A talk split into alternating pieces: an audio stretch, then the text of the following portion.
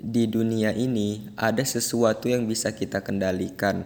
Artinya, kita bisa memilih untuk melakukan atau tidak melakukan. Jadi itu semua bergantung 100% pada diri kita. Contohnya adalah pikiran, tindakan, perkataan kita, kontrol diri, dan masih banyak lagi. Itu semua bisa kita kendalikan. Kitalah yang mengambil semua kendali itu. Jadi kita harus memastikan hal-hal yang bisa kita kendalikan berjalan dengan baik, benar, dan positif.